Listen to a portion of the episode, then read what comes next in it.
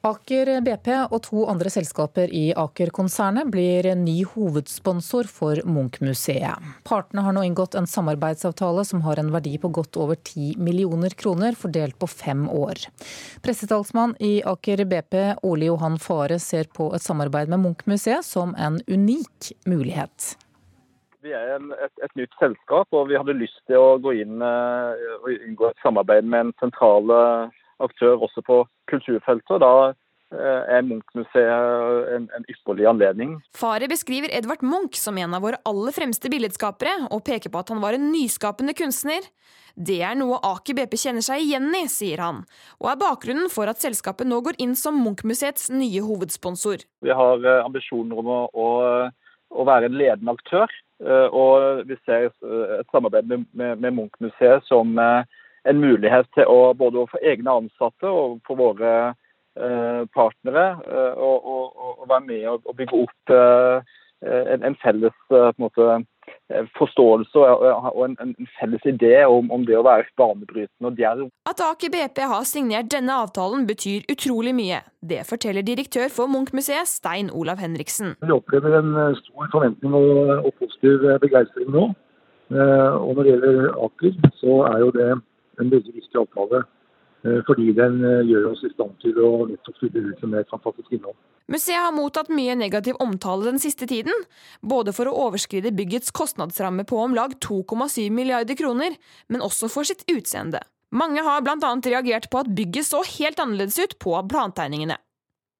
Henriksen, som jobber med det nye museet, opplever imidlertid stor interesse både fra næringsliv og reiseliv. Jeg opplever at vi har et veldig godt omdømme folk har lyst til å være med oss. Mange kommer og vil være med og, og fylle det nye museet med innhold.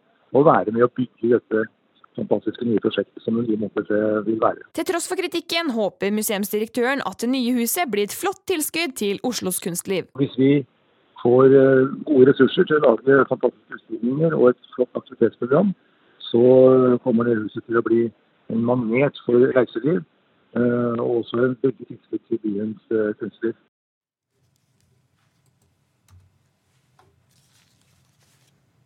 Og reporter i dette innslaget, det var um, Mia Becker. Vi skal holde oss litt til eh, Munch-museet, for det har vært en stor diskusjon nå i flere aviser og, og medier i det siste om hvordan Munch-museet har blitt seende ut. Og det er mange som føler seg lurt av illustrasjonsbildene de får, ikke bare av Munch-museet, men av arkitektur og byutvikling generelt, når de ser hvordan ting blir til slutt.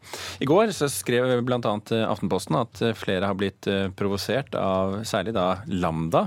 Eh, stor forskjell på visjon og virkelighet er saken der. og Arkitekt og forsker forsker på arkitektur- og designerskolen her i Oslo, Kai River. Eh, velkommen til Nyhetsmorgen. Takk skal du ha.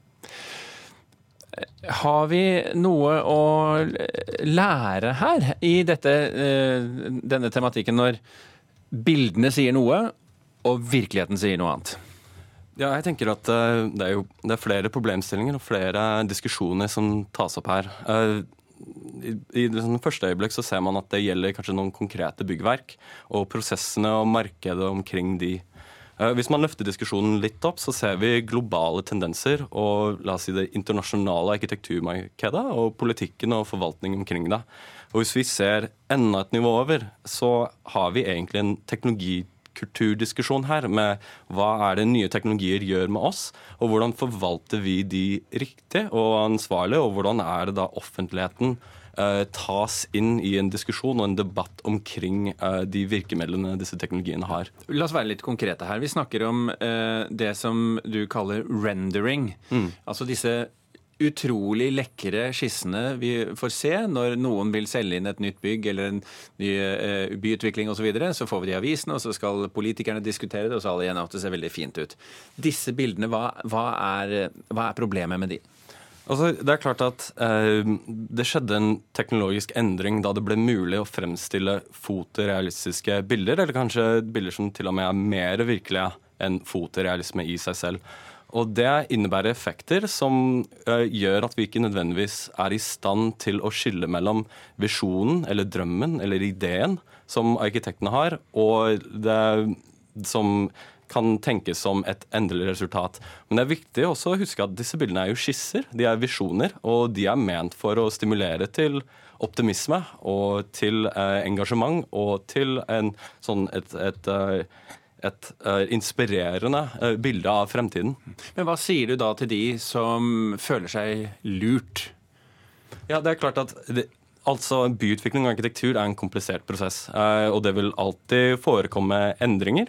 Og i løpet av en arkitekturprosess så må også alle endringene som forekommer i prosessen, også synliggjøres for offentligheten. Eh, nå kjenner jeg ikke helt konkrete detaljene i alle disse sakene, men dersom det forekommer en endring, så må også disse bildene oppdateres. Ja, eh, ta, ta, Lambda som eksempel. Da, der første bildene er et lekkert glasskledd bygg. Eh, og så er resultatet eh, et eh, bygg som er kledd i aluminiumsprofiler. Og da mener du da at når de, den avgjørelsen ble tatt, så måtte nye bilder lages? Ja, det mener jeg. Jeg tenker også at byggherren da har et ansvar for å produsere oppdaterte visualiseringer som også kan forklare for offentligheten at de endringene har forekommet. Men en annen ting man kan legge merke til når man ser disse bildene, er ofte at de, de fremstilles jo på absolutt beste mulig måte, bl.a. ved at noen bygg er tatt bort altså eh, i, i, bymiljøet. Man har ikke de byggene så man ser ikke det som forstyrrer. Og så ser man også på fallinjen, altså hvordan, hvordan, byggene ser lave, lekre og nette ut. Og så kommer de, og så er de høye og tjukke. Ja, jeg mener at uh, det, det, er helt klart et problem at vi har illustrasjoner som kan avvike såpass fra virkeligheten når det kan være slik som du stemmer at kanskje bygninger fjernes eller vinkler ikke stemmer og den slags ting. Jeg mener at uh, som samfunn så må vi jobbe for å uh, visualisere for offentligheten uh, objektiv data og, og, objektive bilder som det går an å forholde seg til på den måten, særlig når de betraktes som ekte. Mm, og her, eh, Hvem skal bestemme det? Politikerne? jeg tror at det er en blanding av den politiske og reguleringsmessige siden av dette, men også teknologiutviklingen. Eh, man ser i teknologiutviklingen vi går mot eh, mer og mer tredimensjonelle fremstillinger, som gjør at avstanden mellom det, den modellen som arkitektene skaper, og det som da vil presenteres, vil bli nærmere og nærmere etter mm. Ok, Litt å pusle med for både politikere og arkitekter og byutviklere, med andre ord. Absolutt. Eh, Kai Rive fra Arkitekthøgskolen her i Oslo, takk for at du var med oss her i eh, Nyhetsmorgen. Takk skal du ha. Det er eh, fortsatt tekniske problemer med både Facebook og Instagram over store deler av verden. Problemene har vart siden i går kveld, og Facebook har aldri tidligere vært rammet av så alvorlige problemer teknisk. Reporter Ingunn Mikkelsen, du har eh, fulgt med på dette her og har oversikten. Hvor har det vært problemer? Ja, Det er jo en rekke områder verden over. Det starta i Japan, eh, hvor det da var umulig å logge seg på Facebook og Instagram og andre tjenester som er eid av eh, Facebook. Og Nede tida spredde seg til Australia, Asia, USA, store deler av eh, Europa. Og Facebook de skriver på en eh, Twitter-melding at de er klar over at det er problemer, og at de jobber med å løse det. Og Dette er jo også den mest omfattende nedetida til nettstedet noen gang. Hva sier Facebook om eh, årsaken til problemene? Ja, det er uklart. Teknologinettstedet utelukker hacking eller såkalte tjenesteangrep eh, som forsøker å sabotere eller stenge ned eller overbelaste kapasiteten til eh, nettjenestene slik at det blir utilgjengelig. Så vi må nesten bare vente og se hva de kommer frem til. Problemene har allerede fått konsekvenser for bl.a. verdien av aksjene til teknologinettstedet. Hva er status der nå? Ja, De er jo falt med 1,3% i etterhandelen ved Nasdaq, som er et amerikansk elektronisk aksjemarked. Og Der er det jo natt nå, så eh, nå er det jo ikke så mye aktivitet. Eh, og vi må jo ta med at, eh, at per nå så er det jo rundt 2,3 milliarder brukere av, av, ulike plattformer som er eid av Facebook. Så det her er jo noe som brukes over hele verden. Og på Twitter så koser folk seg med å raljere over det hele, og skriver bl.a. at de tekniske problemene i sosiale medier tvinger dem til å være mer sammen med familien. Takk skal du ha, reporter Ingunn Mikkelsen. Eller man kan høre på radio. For eksempel. F.eks. Nyhetsmorgen. God idé. Og de som hører på radio nå, eh, de eh, skal få eh, vite om en film som har premiere i morgen. Samboerparet Penelope Cruz og Javier Bardem de spiller gamlekjærester i premierefilmen Men alle vet, regissert av iranske Askar Faradi. Den åpnet fjorårets filmfestival i Cannes, og vår filmkritiker Birger Vestmo sier dette er et nært og intenst familiedrama som overrasker med en plutselig vending. Hola, pa. Estamos cerca. La tía Ana nos vino a recoger al aeropuerto. Oh, Joan, ella es mi hermana Laura. Mucho mejor. Nada que ver con el anterior. Den iranske regissøren Askar Farhadis Men alle vet er en av hans svakere filmer, men den er fremdeles god. Når man er kjent for sterke dramaer som Nader og Simin, Et brudd, Fortiden og The Salesman, er det større risiko for at forventninga ikke innfris. Men alle vet er et nært og intenst familiedrama om gamle forhold, relasjoner og sammenhenger som avdekkes på grunn av en dramatisk hendelse. Skuespillerne er flinke, men filmen bruker veldig lang tid på å bygge opp stemning og atmosfære. Så lang tid at man begynner å lure på hvor Farhadi vil med alt det her. Og seinere får historien visse melodramatiske grep som tærer på tålmodigheten. Derfor blir det ikke full klaff for Men alle vet, men den er fremdeles verdt å oppleve på kino. Paco. Hola, ¿qué tal? Bueno, cada vez que vuelves de Argentina traes un hijo más o qué? ¿Has visto qué bien me salen? ¿Cómo estás? ¿Qué tal?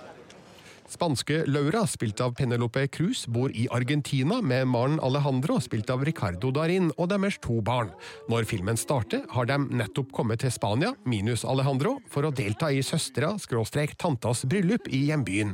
En av de andre gjestene er Lauras gamlekjæreste Paco, spilt av Javier Bardem, som kjøpte familiens gamle vinmarka før Laura flytta til Argentina. Midt under feiringa skjer det noe dramatisk som får alvorlige konsekvenser. Familien blir satt i en pressa posisjon, der hendelser i fortida får fornya aktualitet, mens andre hemmeligheter kommer opp i lyset. No. Laura, por favor. Que no, que no. De verdad, que no. Que no quiero que le hagan daño. Men alle vet har noen historietråder, spesielt én som gir filmen innslag av melodrama fra såpeserieuniverset. Her kunne nok Farhadi fortalt historien på en litt mer sofistikert måte, i stedet for på et veldig enkelt, direkte og utilslørt vis. Filmens thrillerelement kunne òg vært skrudd litt hardere til, og spilletida kunne med fordel vært korta ned litt. Ting tar nemlig tid i Men alle vet, og sjøl om filmen har åpenbare kvaliteter med sympatisk skuespill, gode miljøskildringer og en overveiende interessant historie som overrasker med en plutselig vending, vekker den heller ikke helt det samme engasjementet som Farhadis tidligere filmer. Oye, ¿tú confías totalmente en tu marido? ¿Por qué me preguntas eso? Terningkast fire. Men alle vet, heter altså filmen. Den ble anmeldt av Birger Vestmo og har norgespremiere i morgen.